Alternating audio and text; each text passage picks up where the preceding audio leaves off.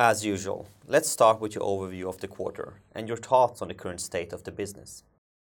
Yeah, it was a really good quarter. Uh, January is usually a low month, but this year we had normal volumes in January, and that did two things. First, it gave a good start to the quarter. Normally, we need to wait for February and March to pull up the average. And second, it took one of the two traditionally low months out of the 2018 equation. And normally, January and July are low because of shutdowns, and now we don't need to worry about January.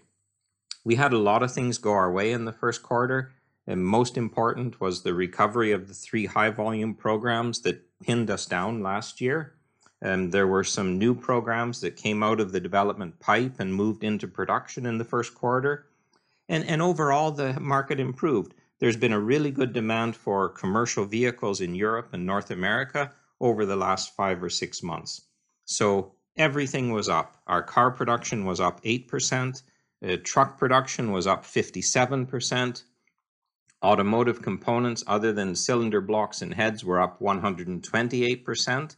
And that was due to recovery of the FCA bed plate for the 3 liter diesel and also due to new exhaust component production in China. It's a really big percent, but of course it's a big percent on our smallest volume sector. But still, it added about 60,000 uh, engine equivalents to the year on year volume. And in the last sector, industrial power, that was up 78% with the start of production at the Luitpoldhütte foundry in Germany and the continued good ramp at the Caterpillar foundry in the US. And so industrial power also added about 60,000 engine equivalents to the year on year comparison. Normally, our production split runs in the low 60% for passenger cars, uh, low 30% for commercial vehicles, and, and around 5 to 8% for non-block and head plus industrial power combined. Um, but in the first quarter, we moved that balance. We've always said that commercial vehicles are our biggest growth opportunity and that we expect commercial vehicles to catch up to cars, and we took a step toward that in the first quarter. We finished with 51% passenger vehicle, 38% commercial vehicle, and 11% non-block and head plus industrial power. So it was a really good start. Uh, we don't regard the first quarter as an anomaly. Uh, we regard the first quarter as the new normal. What can you say about the new start of production at the Luitpoldhütte foundry in Germany? Well, at the moment, there's not that much to add. We supported product development at Louis Luitpoldhütte through most of 2016 and certainly through all of 2017. And now they started to deliver series production castings in January, and hopefully we'll be able to disclose the customer identities later this year. Uh, Luitpoldhütte is a specialist foundry for heavy section castings, primarily for agriculture and construction applications, so they normally focus on castings that are heavier than about 250 kilos, and that's where we are with these forecastings. There are two new V8 cylinder blocks and two new V12 cylinder blocks, and they're all heavier than that 250 kilo threshold. Uh, but of course, it's off road, so the volumes are modest, and the production is with a mini system, so again, that aligns with modest volumes. Uh, industrial power programs normally get us to around 20 to 50,000 engine equivalents, so it's reasonable to expect something in that range.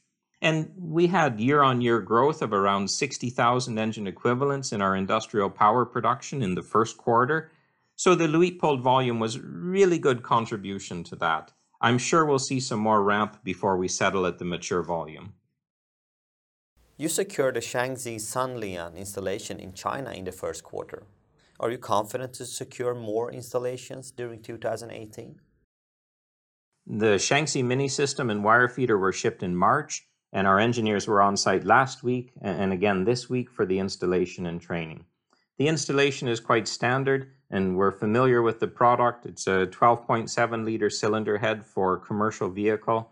So I'm confident that Shanxi will sign off on the installation acceptance and will recognize the revenue in the second quarter.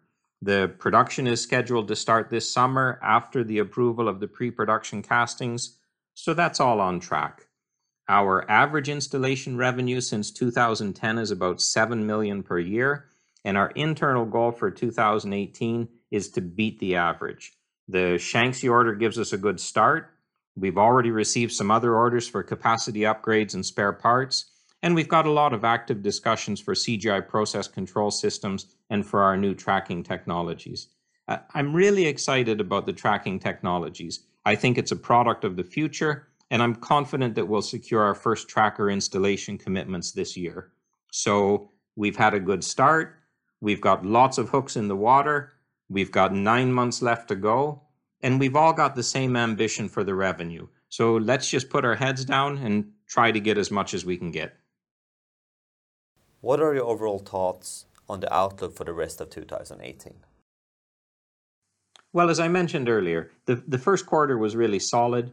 Everything was up cars, trucks, automotive non block and head, and industrial power. And the underlying market is strong.